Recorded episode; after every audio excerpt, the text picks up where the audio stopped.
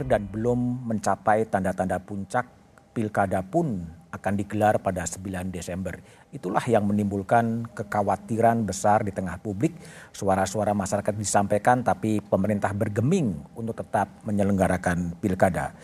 Di pusaran pandemi, pilkada ditunda tanda tanya, itu adalah tema satu meja The Forum malam ini dengan sejumlah narasumber yang telah hadir di studio. Dari sebelah kanan ada Ketua KPU, Mas Arief Budiman. Malam. Selamat malam, Mas Budiman. Di sebelah kiri saya ada anggota Komisi 2 DPR dari fraksi PKS, Mas Mardani Alisera. Malam, Bang Malam, Mardani. Lalu melalui sambungan Zoom ada staf khusus Mendagri, uh, Castorius Sinaga. Selamat malam, uh, Kasto. Selamat malam, Mas Budiman. Lalu kemudian ada Mbak Koirunisa, Ketua Perludem. Malam, Mbak Ninis. Malam, Pak Budiman. Lalu kemudian ada uh, Mas Hermawan, anggota Dewan Pakar Ikatan Ahli Kesehatan Masyarakat Indonesia. Malam, Mas Hermawan. Selamat malam, Mas Budiman. Selamat malam. Malam. Oke, okay. saya akan mulai dari uh, Mas Arief Budiman. Sampai sekarang data yang ada di KPU berapa banyak calon kepala daerah yang terkonfirmasi positif COVID? Uh, terakhir sampai dengan masa pendaftaran itu terkonfirmasi 63. 63. Ya, tetapi mereka uh, apa namanya tersebar ya. Uh, positifnya itu ada yang masuk uh, atau positif dikabarkan sebelum dimulainya pendaftaran. Okay. Ada yang uh, positif ketika pemeriksaan sedang berlangsung. Okay. Nah, bahkan ada yang setelah itu hmm. dikabarkan uh, sekarang positif. Itu 63. Ya, okay. tetapi uh, beberapa hari yang lalu kami juga terima kabar beberapa calon yang positif itu dikabarkan sekarang sudah tes berikutnya hmm. sudah dinyatakan negatif. Oh, yang Kalau terakhir salah, 51 ya? Uh, sekitar uh, tiga orang kemarin yang saya terima okay. uh, apa namanya uh, laporan bahwa calon tersebut sekarang sudah negatif. Dari analisa KPU, apa yang sebenarnya terjadi sehingga uh, apa uh, bakal calon itu bisa terkonfirmasi positif COVID-19? Uh, sebetulnya kita kita belum bisa memastikan ya apakah mereka terpapar itu karena proses tahapan pemilihan kepala daerah okay. atau sebenarnya mereka terpapar di luar uh, lalu uh, dibuktikannya ketika uh, proses pendaftaran. Hmm. Misalnya ada beberapa sampai dengan malam itu saya umumkan ya ketika pendaftaran mau ditutup itu ada 37 orang. 37 orang ya, yang positif. Yang positif. Oke. Okay. Itu kan artinya mereka kan tes sendiri di luar. Hmm. Sebelum hmm. pendaftaran memang kami mensyaratkan bakal uh, pasangan calon itu bukan orang yang akan memapar atau terpapar hmm. uh, eh, COVID-19. Okay. Makanya diberikan syarat itu. Nah, artinya uh, mereka terkena uh, di luar di luar tahapan yang kita uh, jalankan sebetulnya gitu. Oke. Okay. Itu nah, itu bakal calon, tapi bak kalau dari sisi penyelenggara berapa yang terkonfirmasi positif? Uh, uh, penyelenggara saya tidak tidak meng, mengumpulkan data detailnya ya, tetapi uh, jumlahnya kalau di uh, prosentase dengan total seluruh penyelenggara yang terlibat mungkin tidak lebih dari satu persen sih. Tidak lebih dari satu persen apa? Total penyelenggara yang terlibat. Oke. Okay. Total penyelenggara yang terlibat sampai dengan uh, hari ini uh, mungkin sudah lebih dari uh, 320-an ribu. Nanti kalau pada hari pemungutan suara total penyelenggara termasuk uh, struktur sekretariat kemudian sampai dengan tingkat TPS itu kurang lebih 3,3 juta orang akan okay. terlibat. Oke. Okay. Oke, tapi gimana uh, kalau lihat sampai sekarang kan uh, presiden bisa mengimbau untuk dicermati protokol kesehatan, tapi faktanya ketika mendaftar juga kemudian melibatkan masa yang begitu banyak dan lain sebagainya. Apakah KPU tidak bisa me membuat regulasi yang lebih strict, yang lebih keras, lebih tegas agar tidak membawa-bawa masa? Bisa, eh, KPU dan sebetulnya KPU sudah melakukan itu. Sudah ya. melakukan itu? Sudah.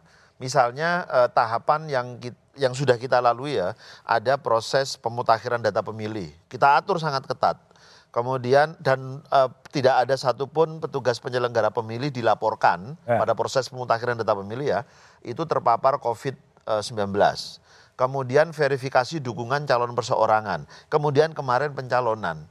di ruang yang dimiliki oleh KPU, misalnya pada saat pendaftaran, kami atur di regulasinya, Hmm. yang boleh masuk hanya pasangan calon, Hmm. kemudian partai politik pengusung, Ah. kemudian LO. Yang di LO luar itu terus kemudian tanggung jawab siapa? Nah, yang di luar itu mestinya regulasi yang lain yang bisa eh, Regulasi bergerak. yang lain itu regulasi siapa? Misalnya eh, daerah-daerah ada yang membuat PSBB. Oh Kemudian itu urusannya pemerintah gugus tugas gitu? ya sebenarnya banyak pihak ya. Ada kepolisian, ada Kalau banyak pihak malah nggak ada yang nggak ada yang bertanggung jawab nanti. masing-masing tentu bertanggung jawab berdasarkan kewenangan yang dia miliki. Kalau misalnya eh, ada orang banyak berkumpul di kantor KPU pada saat mendaftar, itu tanggung jawabnya KPU. Nah kalau yang di luar KPU itu tanggung jawab siapa? Em, ya mestinya misalnya ya mereka kumpul di posko mereka, lalu dari posko mereka di berangkat. depan kantor KPU lah yang uyu-uyuan begitu banyak orang gitu bawa bendera dan lain sebagainya itu? Ya mestinya eh, aparat keamanan bisa membantu eh, kita untuk menertibkan itu. Oke, jadi ini sesuatu gray area yang tidak jelas siapa yang bertanggung jawab. Ya karena di luar eh, ranah yang kita punya. Bisa nggak itu tanggung jawabnya dibebankan kepada calon kepala daerah atau bakal calon yang akan maju? Kalau itu sudah kita ingatkan, sudah kita atur. Jadi, Diingatkan. ya, Bisa nggak didiskualifikasi? nggak bisa. Nggak bisa. Karena undang-undang sudah mengatur hal apa saja yang menyebabkan eh, pasangan calon itu didiskualifikasi. Hmm. Misalnya mereka melakukan money politics, itu didiskualifikasi. Oh, hanya itu ya? Ya. Padahal ini Ada lebih empat. besar apa eh, mudaratnya bagi bagi kesehatan. Nah, mungkin kan waktu menyusun undang-undang itu belum terbayang. ada pandemi. Oke. Jadi money politics, mahar. Oke. Jadi kalau terbukti bayar mahar itu didiskualifikasi. Oke. Kemudian eh, menerima apa dana kampanye dari pihak yang tidak tidak diperbolehkan. Oke. Itu didiskualifikasi. Nggak, kalau Yang kembali kepada keempat, calon tadi yang membawa masa dan nggak boleh tapi membawa masa ini teguran aja gitu ya? Iya, kalau sekarang ya. Ya. Tapi nanti pada saat kampanye misalnya kita atur eh, dalam kampanye yang terbuka misalnya itu maksimal 100. Hmm. Dalam kampanye yang tertutup dalam ruangan maksimal 50. Hmm. Itu kalau mereka melanggar kita bisa tindak tegas. Diapain? Mulai misalnya ya awal tentu diperingatkan. Kalau tidak bisa kampanyenya bisa dihentikan. Oke. Tapi harapan publik kan ini didiskualifikasi. Nah, memang undang-undang ya? tidak ruang yang diberikan hanya empat itu tadi. Oke, oke. Saya ke Kasterio Sinaga yang mewakili eh, staf khusus dari Menteri Dalam Negeri. Eh, Kasto, itu Mendagri itu memang hanya sebatas menegur ya calon kepala daerah yang eh, terbukti apakah mengerahkan masa atau apa masanya datang sendiri hanya sebatas eh, menegur itu sanksinya padahal itu mempertaruhkan nyawa dari calon pemilihnya. Gimana? Ya, memang eh, kita eh, pemerintah dari awal sudah mengingatkan ya bahwa eh, khususnya Bapak Menteri Dalam Negeri lewat berbagai statement dan juga berbagai kunjungan ke daerah tentang aturan-aturan pada saat pendaftaran tanggal 4, 5, 6 September kemarin itu yaitu bahwa eh, pendaftaran itu tidak boleh eh, dilakukan dengan arah-arakan konvoy massa atau pengerahan massa ya Oke. namun kemarin itu terjadi ya Ah. tidak semuanya ya tidak semua eh, apa nama itu pes- eh, peserta yang apa namanya yang mendaftar itu semua melanggar ya Eh, dan lalu eh, seperti kita lihat bahwa ada yang eh, ada yang melanggar banyak juga yang mentaati aturan Nah, yang melanggar gimana? Yang melanggar tuh hanya teguran aja atau gimana? Oh, eh, kita layangkan teguran, teguran keras karena mereka adalah petahana, ya. Dan eh, eh, Kemendagri melayang- eh, melayangkan surat resmi teguran kepada mereka dengan ancaman sanksi, ya. Nah, sekarang ini masih tim di Kemendagri sedang, ya, sedang meneliti lebih dalam, ya, jenis bukti dan lalu juga kronologi pelanggaran tersebut dilakukan sehingga nanti eh, bisa diputuskan kira-kira eh, sanksi apa yang tepat sesuai dengan ketentuan undang-undang. Nah, ketentuan undang-undang di sini bisa beraneka ragam, bisa dari PKPU, ya, lalu juga eh, undang-undang tentang eh, pemerintahan daerah nomor 20, eh, 23 2014, ya, dan lalu juga eh, undang-undang eh, tentang eh, eh, pencegahan COVID yaitu karan- eh, karantina yang kita tahu sudah diundang-undangkan ya dan dan sebagainya. Nah, oleh karenanya di sini eh, masih bekerja tim untuk melihat ya bagaimana kadar pelanggaran eh, tersebut bukti-buktinya dan nanti akan ditentukan eh, sanksinya. Tapi sanksi yang paling keras diberikan hanya teguran keras ya? Oh tidak, kalau eh, kalau Apa? menurut undang sebentar, menurut Undang-Undang 23 ya tahun 2014 ya eh, di situ dikatakan jelas bahwa bisa diberhentikan sementara ya. Kalau eh, petahana ya? Ya, petahana tersebut eh, karena melanggar ya melanggar program nasional. Itu ada Diberen- satu di diberhentikan Undang-Undang sementara, 23, sebentar, ya. Kasto, diberhentikan sementara sebagai eh, petahana ya? Iya benar, tahanan. Selalu juga dimungkinkan eh, sanksi bahwa ketika misalnya yang bersangkutan menang maka ditunda pelantikannya, ya Ditunda kan? pelantikannya. Sampai tiga bulan sampai enam bulan Oke. dan disekolahkan di eh, di Glat Kemendagri atau Oke. dibina kembali begitulah kira-kira. Oke. Namun ini semua harus dinilai secara konstruksi kasusnya berikut fakta-fakta hukumnya. Pertama kalau kita lihat konstruksi kasus dari pelanggaran tersebut ada eh, eh, eh, peserta yang memang tidak tahu aturan tentang PKPU bagaimana proses mendaftar sesuai dengan protokol kesehatan. Tapi ada juga yang sudah tahu tapi melanggar. Nah ini yang kita katakan sebagai pelanggaran yang sadar dilakukan sengaja, ya kan, Eh, sehingga kita akan eh, Oke. memilah eh, persoalan. Tetapi ada juga yang memang dia sudah berupaya untuk melarang masanya pengikutnya agar jangan eh, eh, arak-arakan, tetapi tetap pengikutnya ini tidak mematuhi. Seperti Oke, itulah. baik, baik, Bukti-bukti itu Baik, ah. harus kita kumpulkan. Ya, nanti harus fairness, apakah ya. sanksi itu cukup bisa memberikan efek jera dan kemudian pengumpulan massa itu tidak terjadi lagi? Tapi jawabannya setelah jeda berikut ini. Baik.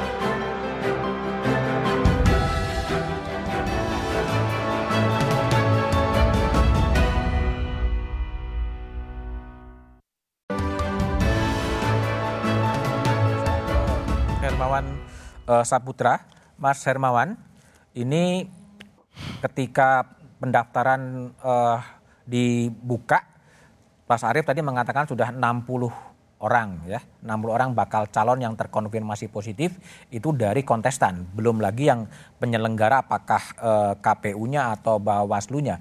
Eh, Anda lihat ini gimana nih awal-awalnya apakah memang eh, karena pengabaian protokol kesehatan dalam konteks politik atau seperti apa? Hermawan lihat.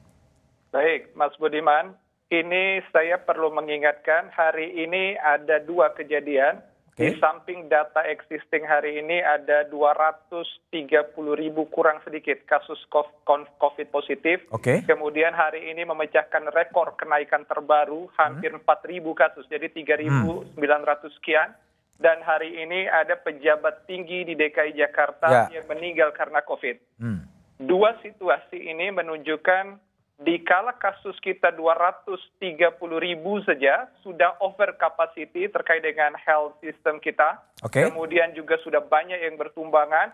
Nanti kami melakukan forecasting ya untuk nanti sekitar 9 Desember artinya kurang lebih tiga bulan dari sekarang. Kalau kasus harian hari ini aja 4.000 kasus konsisten hingga nanti Desember, maka perkiraan kasus di bulan Desember itu sekitar 600 ribu sampai 1 juta kasus. 600 Bahkan ribu. ini 600 ribu sampai 1 juta kasus itu belum termasuk sebaran area saat ini yang sudah terjadi di mana-mana. Itu karena faktor Nah, oleh- pilkada, proyek forecasting Anda? No, ini masih normal. Masih Ini normal. berdasarkan dashboard data existing dari satuan tugas yang Oke. terjadi secara nasional. Oke. Belum lagi terjadinya hal-hal yang sifatnya berjalan ramai dalam proses pilkada. Saat ini saja, Mas Budiman, terjadi proses yang tidak masuk. Jadi kalau saya menyimak pernyataan Pak Arief Budiman dan Pak Karto Rius tadi, bahwa ada proses-proses dan tahapan yang tidak menjadi eh, tanggung jawab KPU Ah. bila terjadi transmisi COVID akibat keramaian. Oke. Jadi di luar konteks ruang dan uh, tahap yang ditetapkan oleh KPU, kalau yang saya simak berdasarkan pernyataan Pak Arief berarti bukan tanggung jawab KPU. Ah. Dan ini sangat berbahaya sekali Sangat berbahaya. ketika kita melihat bagaimana di lapangan saat ini pun terjadi proses koordinasi, Hmm. konsolidasi para calon dengan konstituennya yang terjadi yang sifatnya silent movement, silent transmission bisa saja terjadi. Oke. Oleh karena itu secara perspektif kesehatan ini cukup mengkhawatirkan Meng- sekali. Sekarang saja kita sudah over capacity di mana Jakarta, contoh Jakarta adalah pusat ibu kota dengan semua sumber daya tersedia tetapi over capacity. Jangan Oke. lupa Bapak Presiden sudah mengatakan dan memberikan instruksi langsung ada uh, sembilan provinsi dalam sembilan kota dalam sembilan provinsi yang menjadi perhatian dan penugasan khusus untuk para menteri untuk dilakukan pelambatan kasus COVID. Tetapi ini pun uh, menurut kami akan sulit karena laju transmisi akan linear dengan laju keramaian dan tentu saja pergelaran massa selama pandemik Dokter- COVID ini Dokter dan Hermawan? demokrasi. Ya. Dokter Hermawan, apa yang paling tahapan pilkada apa yang paling dikhawatirkan ini bisa terjadi transmisi di lapangan? Selama belum ada PKPU atau peraturan yang mentransformasikan proses kampanye dari sifatnya pengerahan massa kepada uh, kampanye yang sifatnya Virtual? lebih edukatif, lebih uh, safe, maka ini akan sangat berbahaya sekali. Ini baru pada proses tahapan kampanye dan proses yang menuju 9 Desember. Nah, puncaknya pada 9 Desember nanti Mas Budiman ketika pencoblosan ada ratusan juta penduduk kita Hmm. yang akan mencoblos dan itu seluruh segmen usia.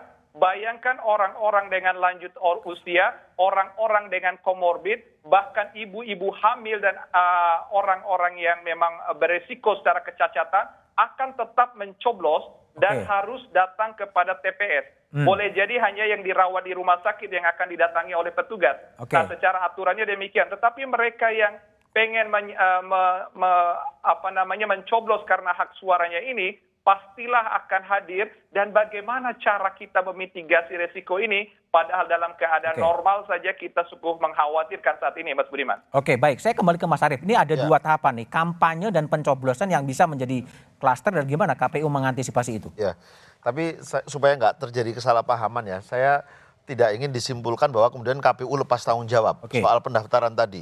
Saya hanya ingin katakan bahwa ada proses yang kewenangan penanganannya itu di luar KPU. Gitu. Oke. Tapi soal tanggung jawab, saya pikir kita harus bersama-sama bertanggung jawab. Bersama-sama dengan siapa? Eh, sel- seluruh pihak. Kalau saya sering katakan begini, komponen penting di dalam penyelenggaraan pemilu itu ada penyelenggara pemilu, ada peserta pemilu dan ada pemilih.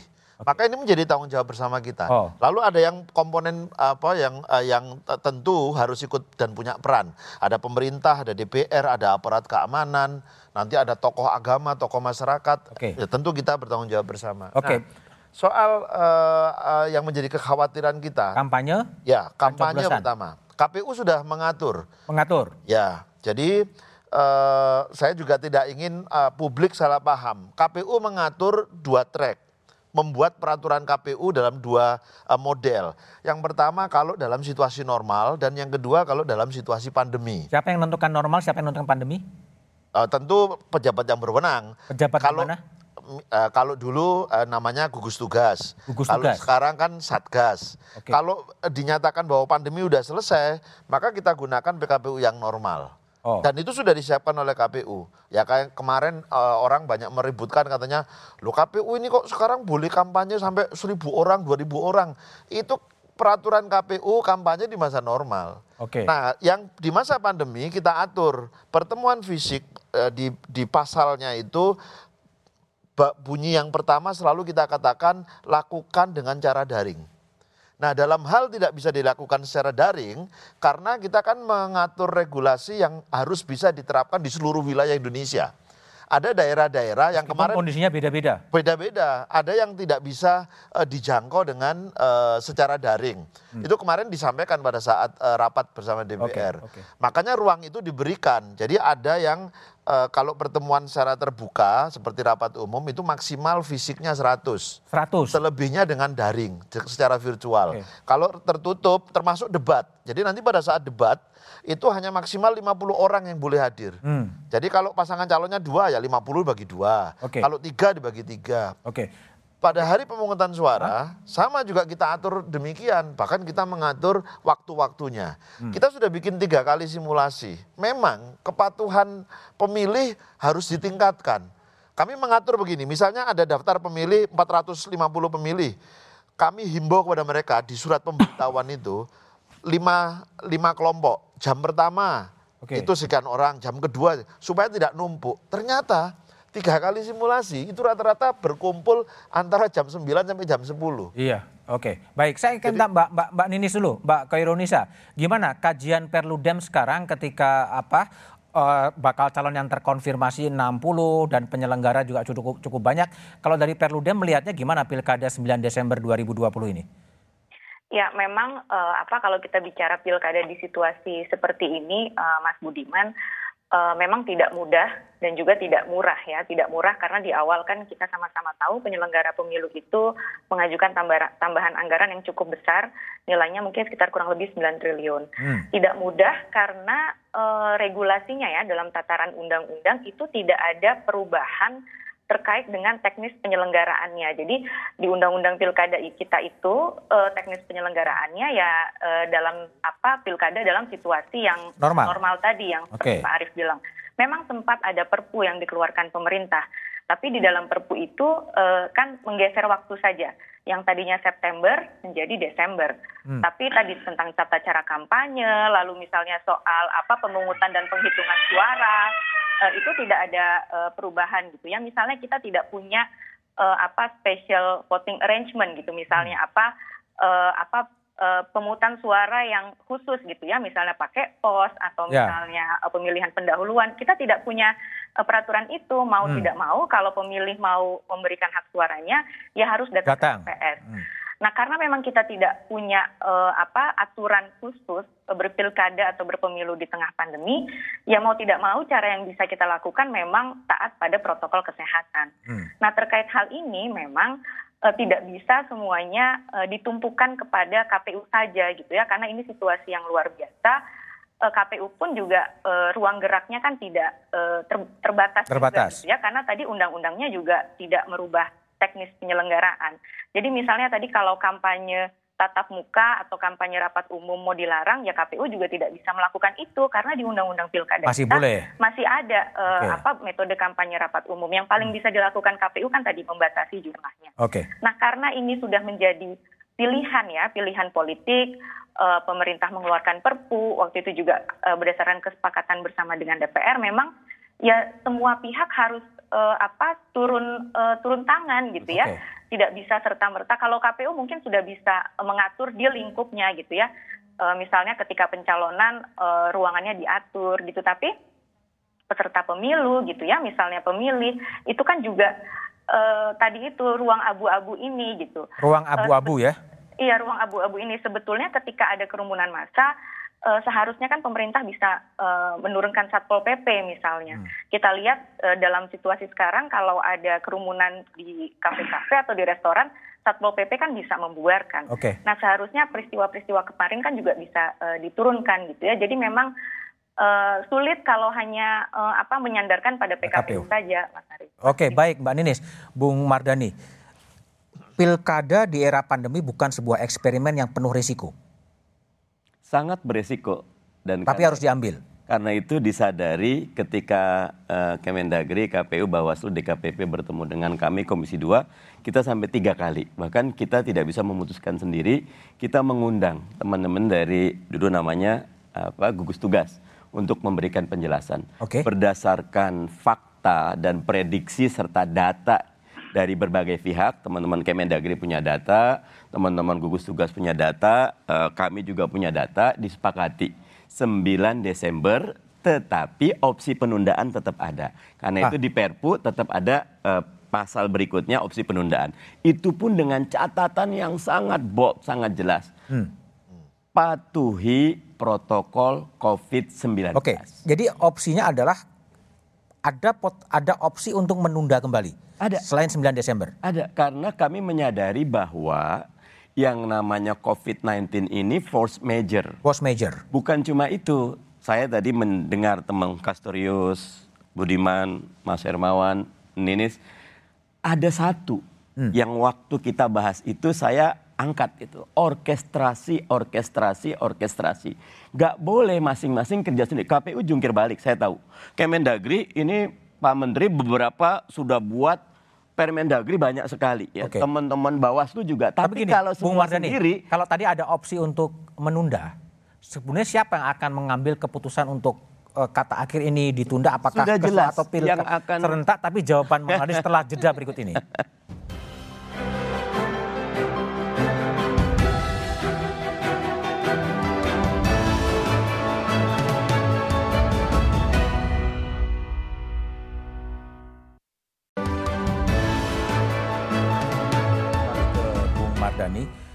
Jadi siapa nanti kata ini ada eskalasi jumlah COVID, siapa yang berhak dan punya hak untuk menyatakan pilkada ini ditunda? Dalam Perpu tegas disebutkan tiga pihak. Tiga pihak. KPU, Kemendagri, dan Komisi 2. Oke. Dan ini berlaku nasional. Oke. Ada pertanyaan, bagaimana kalau kita mencoba mengajukan pilkada asimetris, katakan yang zona merah atau hitam kita hentikan. Oke. Maka KPU, Kemendagri dan Komisi 2 harus segera kumpul kembali dan memberikan Oke. otoritas ini kepada salah satu dengan catatan tentu klarifikasi, verifikasi status ini mengacu kepada Satgas atau gugus tugas yang memang ditunjuk oleh pemerintah. Jadi dalam bayangan Bung Mardani sekarang ketika ada eskalasi COVID ini belum belum tentu sampai kapan sudah ada bayangan pikiran akan ditunda secara serentak maupun secara, secara parsial? Harus, karena ketika kami membahas Perpu juga ada exit strateginya. Oke. Kita tetapkan dari 23 September ke 9 Desember. Desember. Poin 2-nya Hah? KPU, Kemendagri dan DPR RI melalui Komisi 2 dapat memutuskan untuk menunda jika memang kondisi tertentu. Nah, kata kuncinya pandangan saya orkestrasi. Tidak boleh masing-masing jalan sendiri. Saat sekarang ini kalau masing-masing sudah bekerja keras sekalipun tapi tidak connected, tidak mencontoh tadi kasus Kasto tadi bagus. Eh, Kemendagri bisa memberi sanksi kepada Petahana. petahana. Tapi berapa persen yang daftar yang non petahana? Non-petahana. Yang non petahana sekarang di luar area hukum. Di luar area Karena hukum. belum ditetapkan oleh Sebagai? KPU akan menetapkannya 23 September. Oke. Sekarang mereka masih Bebas. area. Oke. Oke, KPU tadi bilang KPU mau saja ngatur yang di luar, tapi nanti akan disomasi atau akan dilarang. Oke. Tidak ada. Padahal ini contohnya Jakarta. Jakarta sudah PSBB ketat, tapi Jakarta tidak punya perda, Hmm. punya sehingga teman-teman polisi atau bisa kejaksaan tidak bisa memberikan hukuman, Oke. masukin penjara, tidak ada. Yang ada satpol pp berbasis pergub itu tidak kuat, makanya teman-teman Polda minta Jakarta segera bikin perda sehingga bisa ditindak. Hmm. Oke. Ini tidak bisa berjalan sendiri-sendiri. Hmm. Ketika tidak ada orkestrasi, maka 9 Desember bisa menjadi horor buat kita bersama. Menjadi horor. Saya kembali ke Castorius Sinaga ya. Tadi kan Bung Mardani mengatakan opsi untuk menunda apakah secara parsial maupun secara nasional terbuka. Kemendagri juga sudah memikirkan opsi kemudian penundaan pilkada itu? Eh, sementara ini saya kira ya kita masih eh, melihat proses yang ada dan ada perkembangan yang bagus sebenarnya. Setelah kita keluarkan eh, apa namanya eh, teguran keras itu, lalu berduyun-duyun juga daerah mendeklarasikan ya eh, apa namanya semacam fakta integritas untuk mentaati seluruh protokol tahapan pilkada yang, yang akan datang. Oke. Nah, di sini kita belajar sebenarnya bahwa eh, yang benar seperti yang dikatakan Pak Arief, Pak Mardani, dan juga Ibu Titi, dan juga Pak Hermansyah, ini memang kerja bersama yang tidak hanya meling- eh, apa namanya itu melibatkan penyelenggara, tetapi utamanya adalah juga kontestan, masyarakat, partai politik dan sebagainya. Kenapa? Karena dua tahapan sebelumnya yang kita lakukan yang memang rawan juga itu berhasil kita lalui tanpa ada pelanggaran protokol. Hmm. Nah, oleh karenanya memang harus ada yang kalau Mardani mengatakan orkestra- orkestrasi tersebut adalah satu regulasi yang tegas, pelaksanaan di lapangan juga yang tegas, partisipasi yang luas, begitulah kira-kira. Nah, di minggu-minggu ini kita mengamati, memonitor telah terjadi itu. Di NTB kemarin ada rakor penegak hukum bersama dengan pemerintah daerah, bersama dengan KPUD, Bawaslu, dan juga kontestan mengadakan sosialisasi tentang protokol tahapan-tahapan pilkada yang akan datang ini, khususnya yang menyangkut pengesahan eh, calon dan juga kampanye pada tanggal 26 sampai dengan 5 Desember. Jadi akan belum datang. ter Kasto, Nah, jadi belum ada pikiran sama sekali untuk memungkinkan penundaan pada pilkada meskipun Dr. Hermawan mengatakan bahwa tanpa pilkada pun proyeksinya pada 9 Desember akan 600 ribu orang positif COVID? kami masih bersikap optimis, Optimis. bahwa sebenarnya kunci kunci daripada eh, katakanlah pilkada ini seperti baga- sebagaimana juga pengalaman negara-negara lain yang menyelenggarakan pemilu di tengah pandemi adalah kedisiplinan kita bersama terhadap aturan protokol yang sudah ketat, sudah berstandar internasional, dilengkapi dengan penegakan hukum yang tegas. Itu. Nah, bila ini kita lakukan bersama, saya kira kita akan optimis bisa melewati tahapan tersebut. Oke. Pengalaman kemarin hari Senin di Provinsi NTB telah dimulai hal proses tersebut. Dan kalau kita lihat eh, tahapan-tahapan tersisa yang pilkada yang, eh, yang ke depan, ada dua tahapan yang sangat rawan yang sudah dikatakan Pak Aris tadi. Yaitu pertama adalah eh, pengesahan calon dan kampanye yang 70 71 hari ini. Oke. Maka ya, maka kalau orkestrasi yang dikatakan Merdani tersebut bisa kita laksanakan dengan ya ketegasan di lapangan, maka saya kira akan kita lewati dengan baik pilkada ini sebagaimana juga pengalaman negara-negara lain dan juga pengalaman kita di dua tahapan sebelumnya. Itulah kira-kira. Nah, oleh karenanya saya kira eh, ini menjadi satu pelajaran bersama menurut saya ya yang harus kita eh, lakukan secara eh, eh, bersama-sama. Oke, baik, Bung Arief, kalau di apa KPU, apakah juga sudah terbayang skenario mau melakukan mitigasi kalau memang ada sesuatu ledakan yang eksponensial untuk menunda pilkada, apakah secara serentak maupun secara parsial? Eh, ya itu menjadi diskusi kita ya, Eh, terutama eh, pasal-pasal yang ada dalam Perpu itu. Jadi ruang untuk melakukan penundaan memang dibuka, disediakan ya. Oke. Tetapi apakah eh, itu dimaknai penundaan secara nasional? Karena yang kita lakukan kemarin kan penundaan secara nasional. Ya. Ya. Kalau parsial, Ataukah, ah, ataukah eh, pasal itu bisa juga dimaknai penundaan secara parsial? Karena kalau penundaan itu dilakukan secara nasional, sebetulnya eh, fakta sampai hari ini kan tidak semua daerah eh, dengan resiko yang sangat tinggi. Oke. Ya. Eh, dan eh, energi yang di- sudah dikeluarkan sampai hari ini luar biasa besar. oke. Waktu, Tapi tenaga, taruhannya bukan juga uang. besar juga ya? Iya, Resikonya besar juga ya? Ya, kami menyadari bahwa resiko, resikonya besar juga. Oke. Oleh karena itu, sebelum kita mengambil putusan, saya pikir saya setuju dengan yang disampaikan Pak Mardani. Kita lihat detailnya betul. Betulkah peningkatan eh, eh, angka positif ini karena sebab tahapan pemilihan kepala daerah? Kalau tadi disinggung soal DKI, DKI nggak ada pilkada. Ya. tapi dia nggak ada tinggi. pilkada aja tinggi. Ya, Apalagi ada pilkada.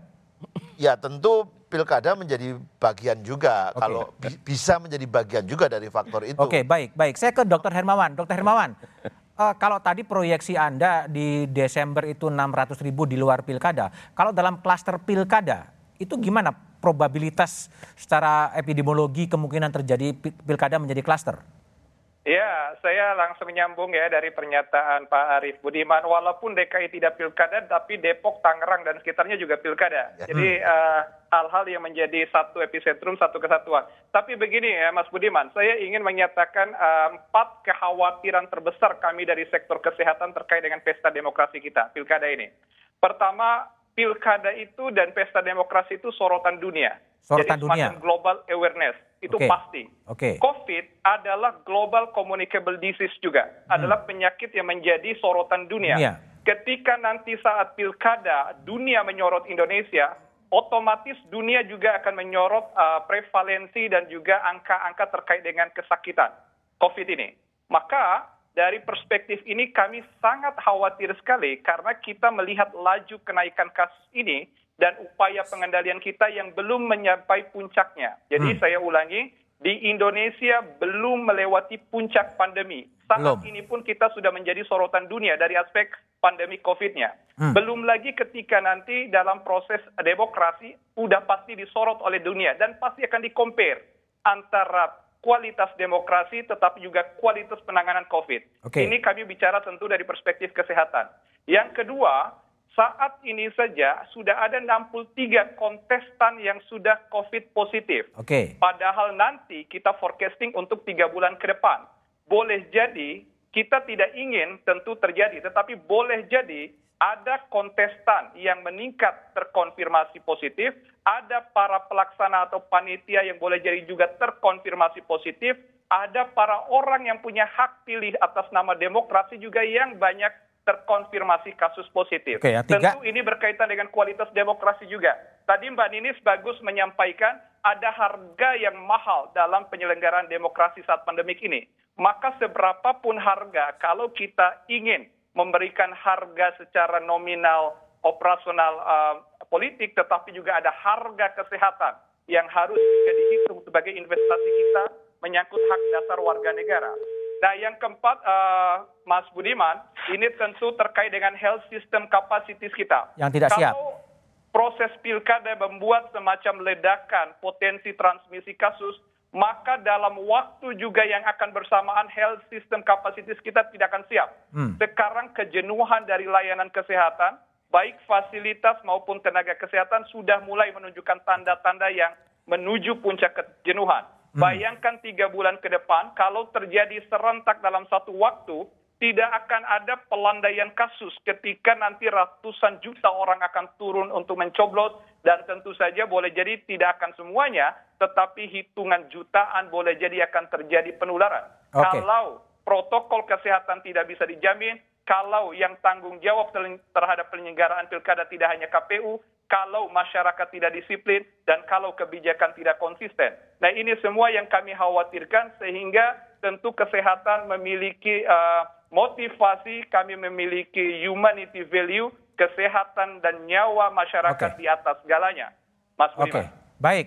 Nanti saya akan tanya kepada Mbak Ninis soal bagaimana sebetulnya apakah ini sebuah eksperimen yang terlalu berisiko dan kenapa harus diambil era pandemi, tapi jawabannya setelah jeda berikut ini.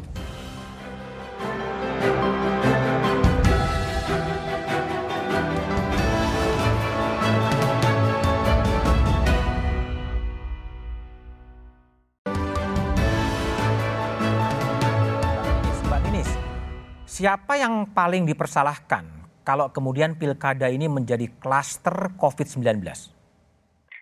Em, ya tentu eh, bukan dalam artian menyalahkan ya eh, Mas Budiman, tapi kan ini adalah sebuah eh, pilihan politik ya, pilihan politik yang tadi Pak Mardani sampaikan eh, diambil oleh pemerintah, DPR dan juga eh, KPU sebagai penyelenggara pemilu. Oke. Dan pada waktu itu seingat saya juga ada surat dari gugus tugas yang menyatakan bahwa karena kita tidak tahu kapan pandemi ini selesai, maka pilkada bisa terus jalan asalkan dengan eh, mematuhi protokol kesehatan. Oke. Eh, itu prasyaratnya. Jadi eh, itu yang tidak boleh kita eh, apa ya kita langgar ya protokol kesehatan. Oke. Bahwa memang dalam eh, apa ya membuat sebuah eh, keputusan gitu ya karena kita dalam eh, berada dalam situasi yang sulit ini memang perlu pengambilan keputusan itu dilakukan secara terukur juga gitu ya. Misalnya apakah tadi kita punya regulasi yang cukup kuat menopang eh, apa sebagai kerangka hukum penyelenggaraan pilkada? Karena eh, tidak bisa hanya mengandalkan KPU yang bisa berinovasi dalam PKPU-nya kalau di undang-undang pilkadanya juga ada tidak mengatur, tidak mengatur teknis seperti itu. Oke. Yang kedua, kalau kita lihat pengalaman di negara-negara lain, memang ada negara-negara yang dikatakan berhasil gitu ya, angka partisipasinya tinggi, eh, bahkan tidak ada klaster apa COVID setelah penyelenggaraan pilkadanya. Tapi kita juga harus eh, melihat bahwa ada situasi yang berbeda. Oke. Misalnya di Bavaria, eh, mereka punya opsi gitu ya, opsi memilih lewat pos. Jadi orang tidak perlu datang ke TPS. Oke, Atau baik Mbak Ninis. ya, Oke, saya ke ya. Dr. Hermawan. Dr. Hermawan, jadi kalau menurut Anda pilkada ini memang sebaiknya diteruskan saja atau ditunda secara parsial atau secara nasional? Ya, balik lagi yang memutuskan itu kan tentu tripartit tadi ya. Kalau menurut Anda? Pemerintah dan KPU. Dari perspektif kesehatan sangat tidak memungkinkan. Jadi Tidak kalau mem- saya bisa mewakili para praktisi dan tenaga kesehatan, maka hampir eh, apa namanya dominan ya. Kami bisa mengatakan, mengatakan begitu, pemberian layanan dan juga kesehatan tidak akan siap menghadapi eh, ledakan kemungkinan, Oke. kemungkinan ledakan kasus COVID. Oke, baik. Kastorio Sinaga, jadi kalau Komnas HAM juga sudah menyuarakan untuk penundaan, masyarakat sipil untuk penundaan, pemerintah akan bersikukuh bahwa ini akan menjadi sebuah capaian demokrasi di era pandemi? Kami menyadari ya eh, aspirasi yang seperti dikatakan Pak Hermawan juga beberapa teman dari civil society, Komnas HAM, Koalisi Masyarakat Sipil yang memang ini menunjukkan eh, satu kepedulian ya bahwa di atas segalanya itu adalah kesehatan. Kembali tadi kepada yang dikatakan oleh Mas Titi, Mardani dan juga Pak Arief memang ya kita harus menyadari bahwa keputusan politik ini memang mem- membutuhkan prasyarat-prasyarat dan pekerjaan bersama yang berat yaitu Oke. eh, adalah eh, penegakan hukum di bidang eh, protokol kesehatan. Nah, Hmm. saya kira ini intinya. Sebenarnya kalau kita kembali lagi pada diskusi kita di bulan eh, antara eh, Juni sampai Juni eh, di sekitar Juni ya dari partai itu ya, kita membahas semua sebenarnya pilkada ini menjadi golden opportunity kita untuk meretas penyebaran COVID. Oke. Bila protokol kesehatan itu dilakukan dengan eh, Hmm. baik sekali. Karena demikian adalah ada perubahan perilaku sosial di masyarakat di mana pilkada ini mengintroduksi sebuah protokol kesehatan begitu masif di antara 105 juta pemilih. Inilah sikap optimis kita dari pemerintah. Baik. Dan juga kedua dan Baik. juga kedua dan juga kedua, apa pun pilihannya, ya, apa pun pilihannya tentu itu harus dikembalikan pada proses yang memang eh, kita ukur dari berbagai hal, termasuk juga bila misalnya penundaan, bagaimana nanti katakanlah efektivitas pemerintahan di daerah. Karena Mas Budiman, terus terang saja, situasi kita sekarang ini situasi yang sangat begitu er- extraordinary. Oke. Ada 210 kepala baik, daerah baik. juga yang ad interim ya. seperti Oke, itu, baik. ya. Bung Mardani. Jadi kalau lihat tadi Kasto mengatakan pilkada ini menjadi golden opportunity untuk meredakan Covid. Mungkin. Kalau orkestrasinya berhasil dan saya garis bawahi orkestrasi itu tidak bisa teman-teman KPU sendiri, Komisi 2 sendiri, Kemendagri. Saya melihat orkestrasinya di Presiden Jokowi. Oh. Presiden Jokowi perlu segera mengambil inisiatif mengorkestrasi semua. Karena gini, tanpa perlibatan teman-teman penegak hukum, katakan teman-teman kepolisian, kalau perlu teman-teman eh, dari eh, Satpol PP dan Pemda dilibatkan tanpa orkestrasi Dan orkestratornya adalah Presiden Jokowi sendiri. Presiden Jokowi karena semuanya tidak bisa berkoordinasi langsung harus tunduk dalam hierarki tertinggi. Tanpa ada orkestrasi yang tegas Sekarang saya khawatir. Saya khawatir karena ngelihat masyarakat eh, ini lagi rame konser dibolehkan. Dibolehkan. kenapa? Memang ada Memang di ada undang-undangnya gitu loh. Karena sekali KPU menolak ya tidak. Semuanya paradigmanya paradigma non covid sekarang paradigma covid. Karena itu orkestrasi kata kuncinya tanpa orkestrasi 9 Desember jadi horor dengan horor. orkestrasi bisa jadi golden opportunity Oke, Bung Arief, ada kekhawatiran jadi horor, tapi ada juga golden opportunity. Nah, kalau KPU yang independen, yang yang independen, ini gimana sebaiknya pilkada 9 Desember ini mau diapain sebetulnya? Kalau pertanyaannya diajukan sekarang, saya bilang ini diteruskan. Diteruskan. Ya, karena memang punya dua kemungkinan. Dia bisa jadi horor, tapi dia bisa juga jadi golden opportunity. Oke. Nah, ketika KPU memutuskan untuk bisa menyetujui dilaksanakan di Desember 2020, KPU yang mengatakan eh, syaratnya harus patuhi ini. Berkonsekuensi pada penambahan anggaran. Anggarannya ada nggak? Kita ngajukan 4,7. Ah. Nah, sampai hari ini eh, realisasinya 3,7. Eh, Masih kurang satu triliun. Ya, karena sudah dipangkas. Sudah dipangkas. Nah, bukan sudah kurang dipangkas. memang finalnya sa- 3,7 katanya ini berbahaya ini Oke. Nah, ini berbahaya nah, ja- Jadi optimis juga tetap. Ini akan tetap berjalan.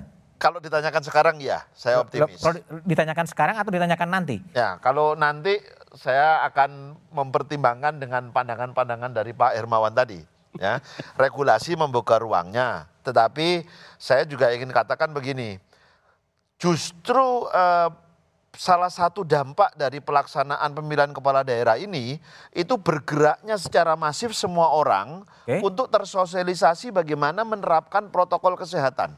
Oke. Nah, di bahan kampanye itu kan sekarang sudah kita revisi dan kita masukkan tiga, eh, tiga eh, item. Hmm. Pertama masker sudah boleh diproduksi sebagai bahan kampanye, hand sanitizer boleh, face shield atau pelindung wajah boleh. Hmm. Nah kalau eh, calon-calon itu kemudian melihat eh, sebuah kepentingan memobilisir apa produksi eh, ini, itu kan bisa jadi gerakan yang positif sebetulnya. Oke. Kemudian kepatuhan, di mana-mana jutaan orang yang mau terlibat dalam kampanye, dalam kampanye dan pemungutan suara menggunakan masker, itu juga membangun budaya baru dalam Oke. gerakan yang sangat masif. Oke, baik Mas Arief, makasih Bung Mardani, eh, Kasto, Mbak Ninis, dan eh, Dr. Hemawan Saputra. Terima kasih telah bergabung di satu meja di forum.